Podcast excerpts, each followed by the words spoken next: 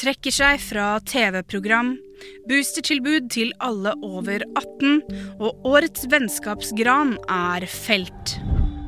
Atle Antonsen trekker seg fra Kongen befaler. Det bekrefter Discovery. Det betyr at kjendiser ikke lenger vil kunne vinne en byste i gull av ansiktet til komikeren. I tillegg så vil en nyinnspilt julespesial med Antonsen ikke sendes likevel.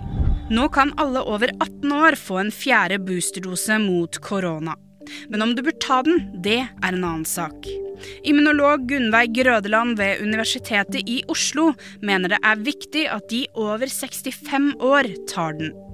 Men er du yngre, så hevder hun at det ikke er vits hvis du allerede har to doser.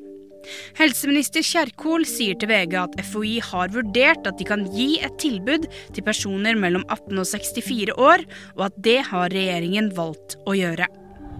Tradisjonen med å sende en norsk julegran som gave til London fyller 75 år i år. Årets gran ble lørdag felt i Sørkedalen, og fra 1.12. så vil den lyse opp Trafalgar Square. Hvert år siden 1947 har Oslo kommune sendt en julegran til London som takk for hjelp og støtte under andre verdenskrig.